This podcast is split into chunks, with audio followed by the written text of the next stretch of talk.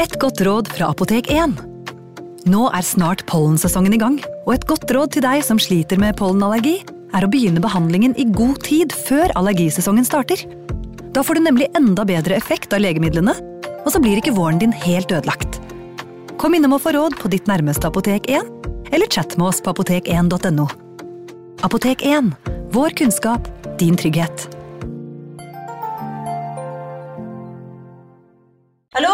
Jeg kommer fra Oslo politikammer. Ine Jansen er purk. Er du purk? The motherfucking bitch. Alt jeg vil, er å finne ut hva som skjedde med mannen min. Jon Carew. Er jeg sikta for noe? Iben Akeli. Det er du. Ole So, Lars Berrum og Big Daddy Karsten. Hvem sin side er du på, egentlig? Anette Hoff, Tone Danielsen, Kommer du fra Afrika?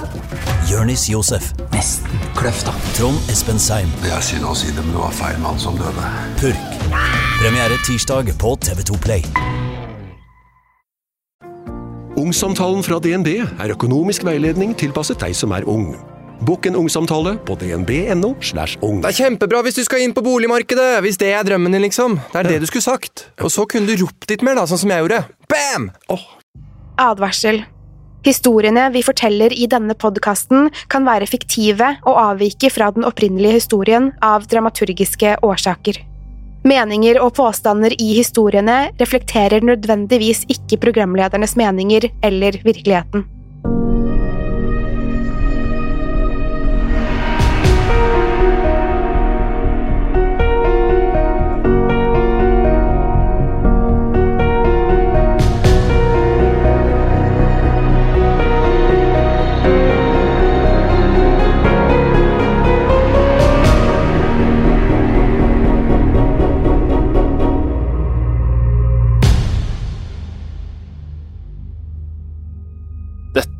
Er en rekke instruksjoner.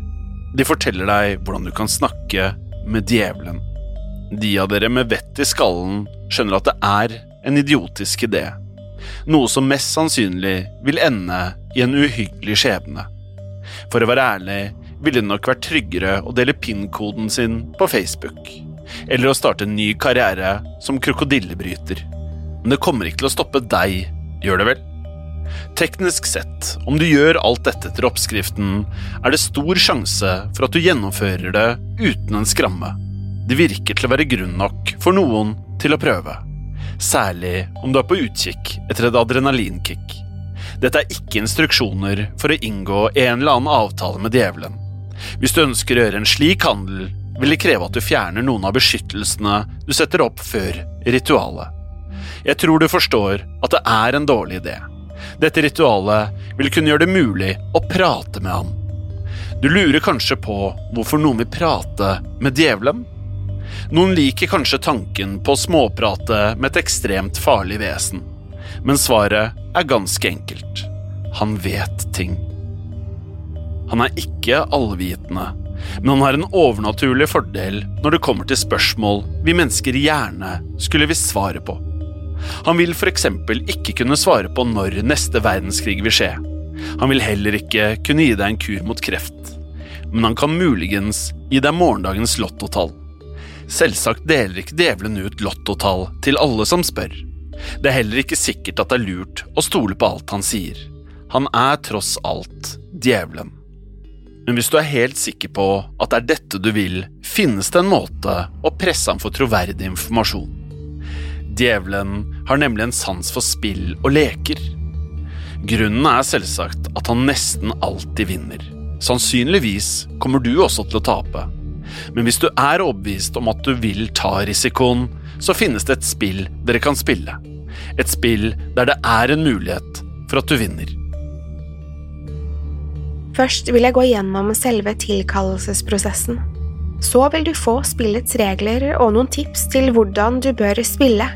Til slutt kommer jeg til å liste opp alt som kan gå forferdelig galt.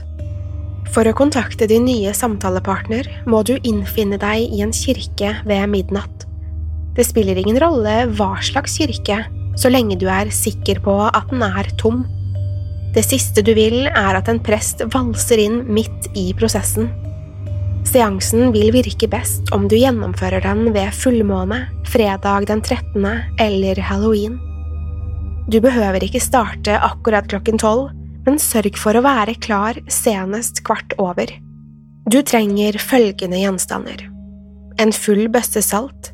Det er ikke sikkert du trenger alt, men det er greit å ha i bakhånd. Syv stearinlys, helst røde eller hvite. Noe å tenne lysene med. Et nøste rødt garn. Et helfigurspeil.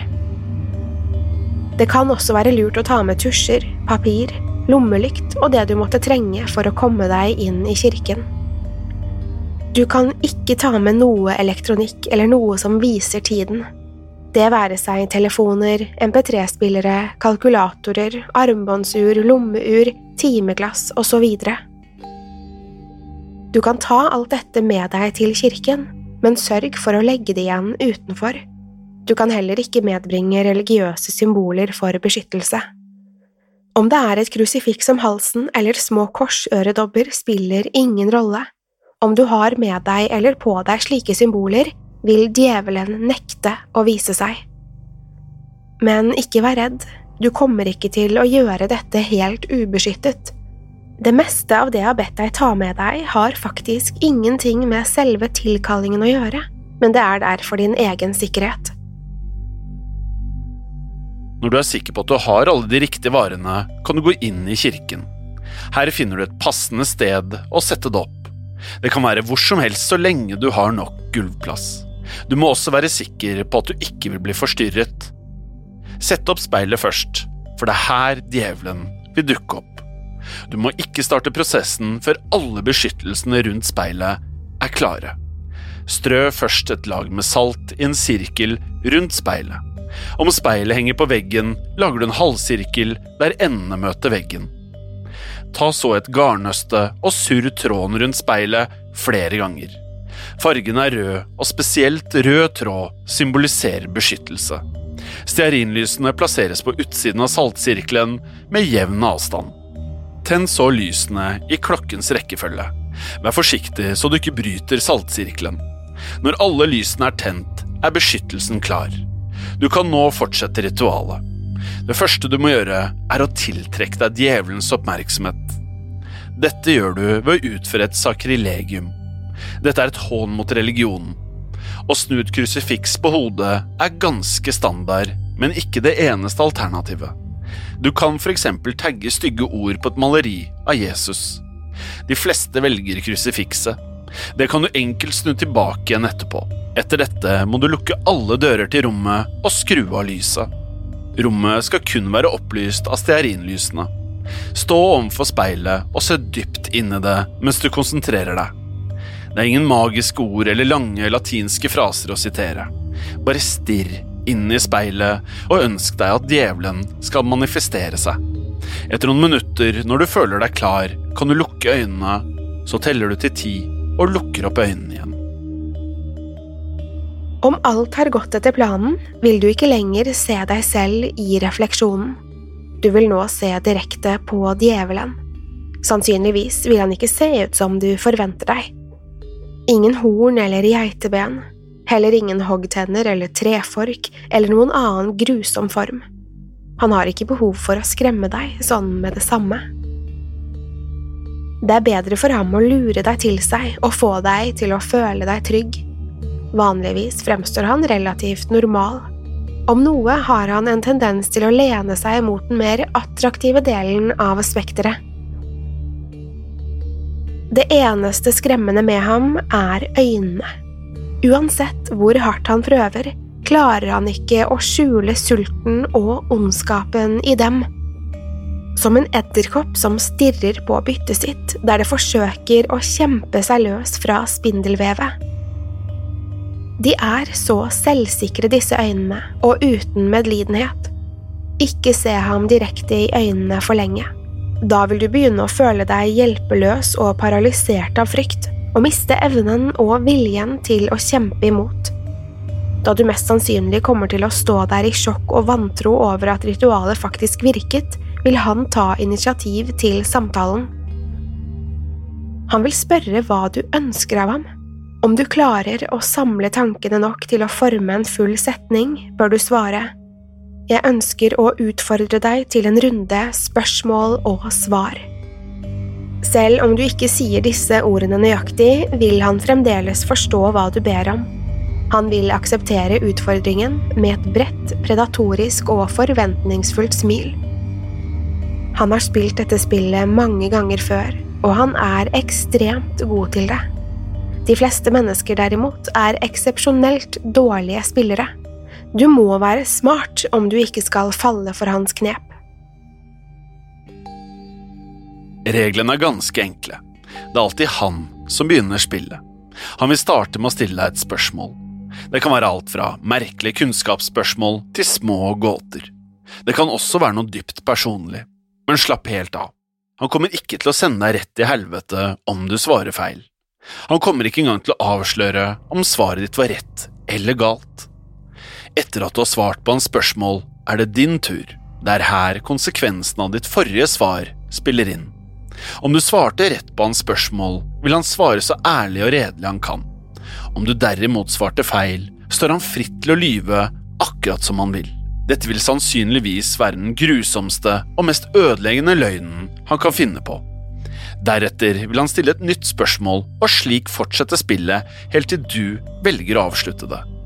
Det høres kanskje nokså enkelt ut. Alt du trenger å gjøre, er å vente på et spørsmål du enkelt kan besvare så spør du om det du virkelig lurer på. Alt annet kan du jo bare ignorere. Det er bare et lite problem. Djevelen vil aldri stille enkle spørsmål. Ingen som du er 100% sikker på at du svarer rett på. I stedet vil han alltid stille et spørsmål du kun har vag kunnskap om. Et spørsmål du tror du kan svare på, men hvor du ikke føler deg helt sikker. Dette vil gjøre at du alltid vil tvile på om du har rett svar. Du vil aldri være sikker på om informasjonen du får, er riktig. Kanskje må du ta et viktig valg basert på informasjonen han har gitt deg. Da vil du alltid bli plaget av frykt og usikkerhet om din og andres skjebne faktisk står i fare. Du vil aldri huske nøyaktig hvilke spørsmål han stilte. Det ville gjort det for lett å undersøke svarene dine senere. Det er ikke engang sikkert at han tester kunnskapen din. Kanskje stiller han et personlig spørsmål, noe du til og med lyver til deg selv om. Du kommer til å svare mens du tror du er ærlig, men han vet bedre. Han vil vite at du lyver ennå du ikke vet det selv. Dermed vil han lyve tilbake, og du kommer til å tro ham. Det er ikke engang sikkert at han gir deg tid til å svare. Han kan komme til å stille deg en hel rekke umulige spørsmål, slik at du blir frustrert og distrahert. Det kan være spørsmål som hva var den nøyaktige høyden til Mount Everest i centimeter i år 1666? Det finnes riktignok noen måter å komme seg unna denne strategien. Andre regler og spillemåter som gjør det hele mer interessant og sørger for at du unngår å bli totalt målløs.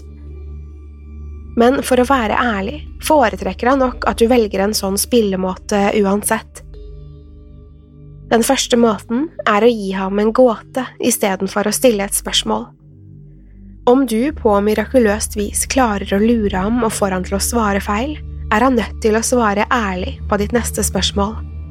Men om han svarer rett, kan han derimot lyve på et spørsmål han ellers måtte svart ærlig på. Om dette skjer, kan du like godt avslutte spillet der og da. Selv under de beste omstendigheter er det så godt som umulig å si om han svarer ærlig eller ikke. Å legge til enda et lag med usikkerhet kan gjøre hvem som helst gal. Det kan du rett og slett bare glemme. Den andre spillemåten er at du utfører en nøtt for ham, som i leken nøtt eller sannhet. Om du aksepterer og gjennomfører, må han svare ærlig på ditt neste spørsmål. Om du i stedet velger å avslå, kan han igjen lyve på et spørsmål han ellers måtte svart ærlig på. Før du får helt panikk og legger hele tanken død, han kommer ikke til å be deg gjøre noe ekstremt eller ondt som å bombe et sykehus eller drepe noen. Som regel vil han ikke be deg gjøre noe som involverer død eller alvorlig kriminalitet. Det betyr ikke at de vil være lette han kan be deg utsette deg selv for smerte og tortur, eller gjøre noe som skremmer deg sanseløs. Han kan også be deg avslutte et forhold, eller ydmyke deg selv eller andre i all offentlighet. Alt dette og mer. Om du er villig til å ta det så langt og sette deg selv i en slik posisjon, så vil du få svarene du ønsker. Men om man finner på noe som du rett og slett ikke får deg til å gjøre, kan du nok en gang bare gi opp med det samme. Ikke tro at du kan lure ham til å tro at du kommer til å gjennomføre. Hvis du aksepterer utfordringen og ikke gjennomfører, kan du vente deg konsekvenser.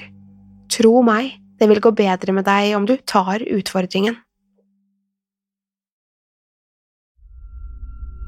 Når du har fått informasjonen du ønsker, eller bestemmer deg for å gi opp, kan du avslutte. Da kan du takke for at han godtok forespørselen, bukke dypt og høflig og ta farvel. Dette vil avslutte ritualet. Speilbildet vil da se ut til å flyte et øyeblikk, før du igjen ser deg selv i refleksjonen. Så snart du er helt sikker på at det er deg selv du ser på, kan du snu deg bort. Deretter kan du rydde deg ut av kirken.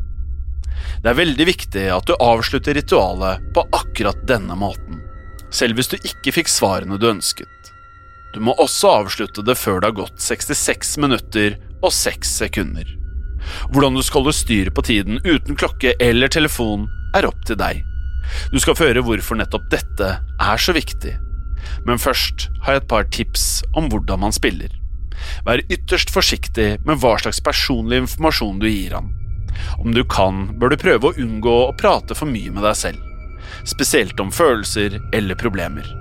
Djevelen kan menneskelig psykologi, og han vil på innsiden av hodet ditt. Om noe han sier gjør deg ukomfortabel, skal du ikke nøle med å lyve. Det vil komme flere spørsmål. Prøv å holde spillet gående til enhver tid.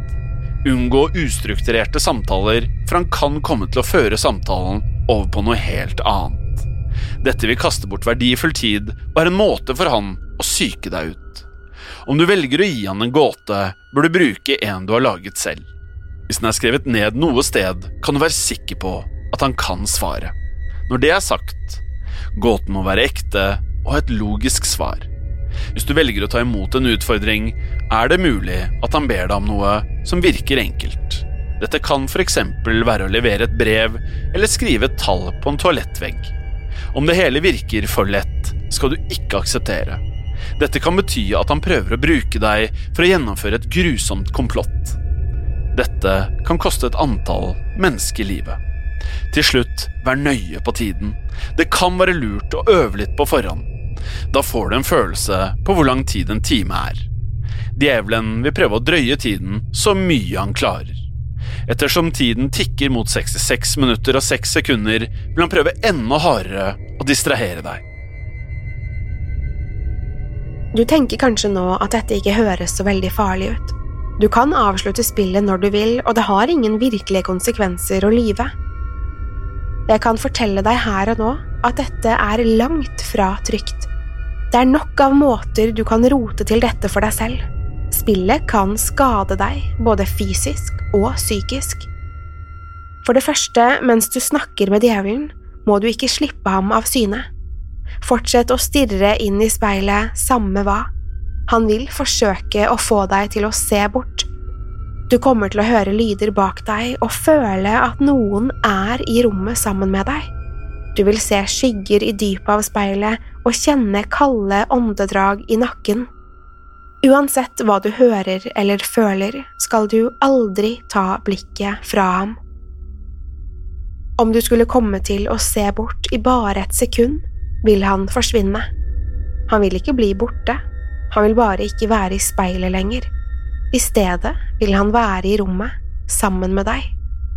Hvor mye av kroppen din de vil finne dagen etter, kommer helt an på hva slags humør djevelen er i. Det samme gjelder om du skulle komme til å bryte noen av beskyttelsene du forberedte før ritualet. Om du bryter saltsirkelen, ryker garnnøstet eller lar et av stearinlysene brenne ut, vil det sette ham fri. Dere kan nå et punkt i spillet, sannsynligvis etter en rekke umulige spørsmål, hvor han spør om ditt fulle navn. Dette skal du ikke gi ham. Navn har en overnaturlig kraft. Selv om djevelen allerede kan navnet ditt, vil det at du sier det høyt, invitere ham inn. Navnet ditt representerer deg og ditt indre. Ved å gi ham det, gir du ham også deg selv. Om du skulle komme til å si navnet ditt, er ikke lenger beskyttelsene til noen nytte.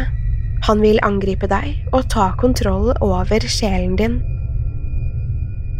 I det minste vil du bli gjenkjennelig når de finner deg neste morgen. Kroppen din vil faktisk være helt urørt, og det vil se ut som du bare falt død om uten tegn til noe kriminelt eller noen sykdom. Så er det dette med tiden. Hva skjer egentlig om du går over de 66 minuttene og 6 sekundene? Dette er uten tvil det verste du kan gjøre. Først vil du ikke merke det. Djevelen vil ikke fortelle deg at tiden er ute, og du vil fortsette ritualet som om ingenting har skjedd. Du vil avslutte det hele, pakke sammen sakene og forlate rommet, men når du åpner døren for å gå ut, vil du se det. Ingenting bare et flatt, hvitt ødeland som strekker seg uendelig i alle retninger. Kun rommet du kom fra, vil eksistere. Om du snur deg, vil du kanskje se din egen refleksjon glise mot deg i speilet, for å så forsvinne ut døren til en helt normal verden. Du selv er ikke lenger i kirken.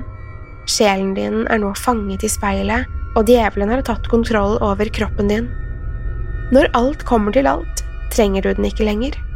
Du kan slå i speilet og rope alt du vil, men du kommer deg aldri ut på egen hånd. Det finnes heller ingen eksorsist som kan hjelpe deg. En sjel uten en kropp er en skjør sak, spesielt om den er fanget i vår verden. Du er kun et vesen, flytende mellom det som er ekte og det vi kun kan forestille oss. Det er likevel én måte å bli fri fra speilet. Det sies at hvis du tilkaller djevelen nok en gang, kan han slippe deg fri. Mot et gebyr, naturligvis. Og hvem vet hva han kan finne på å ta for en slik tjeneste? Mens du er fanget i speilet, kan han gjøre hva han vil med kroppen din frem til soloppgang. Da vil den kollapse av påkjennelsene ved besettelsen. Før den tid kan han finne på nokså mye ugagn, selv på kun noen få timer. Han kan f.eks. gjøre noe stort og dramatisk, som å kjøpe en stor kjøttøks og hugge ned alle han kommer over. Kanskje han starter med alle på kontaktlisten din. Eller kanskje han kun fokuserer på én person, noen som stoler blindt på deg. Kanskje han bruker kroppen din til å få personen på tomannshånd. Jeg tror du kan forestille deg hva som kan skje da. Kanskje du nå forstår hvorfor det å gå over tiden er det verste som kan skje. Det er ikke sikkert han gjør noe mot de du er glad i. Kanskje han syns troen på det overnaturlige har avtatt i vår teknologiske verden. At ingen lenger tror på spillene hans. Kanskje han bestemmer seg for å spre budskapet om nettopp dette spillet i et moderne medium. Et sted hvor lettpåvirkelige og nysgjerrige sinn vanker. Noen med interesse for det okkulte og mystiske. Noen som er sultne på skrekkhistorier.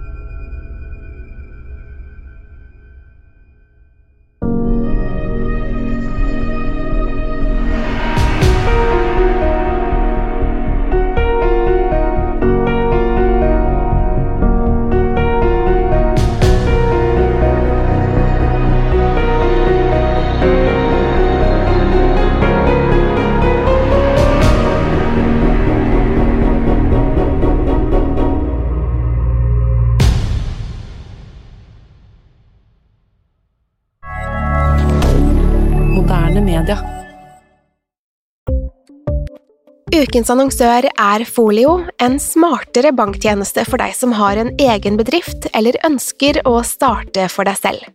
Folio er en superenkel nettbank for bedrifter.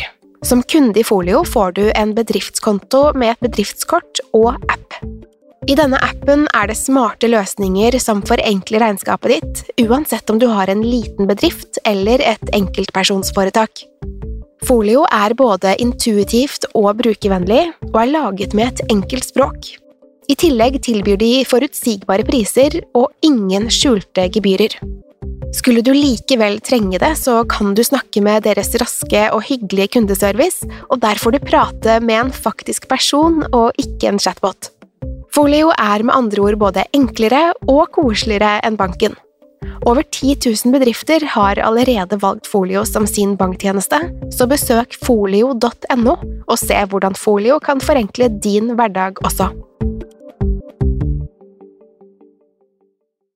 Har du et enkeltpersonforetak eller en liten bedrift? Da er du sikkert lei av å høre meg snakke om hvor enkelt det er med kvitteringer og bilag i fiken, så vi eh, gir oss her, vi.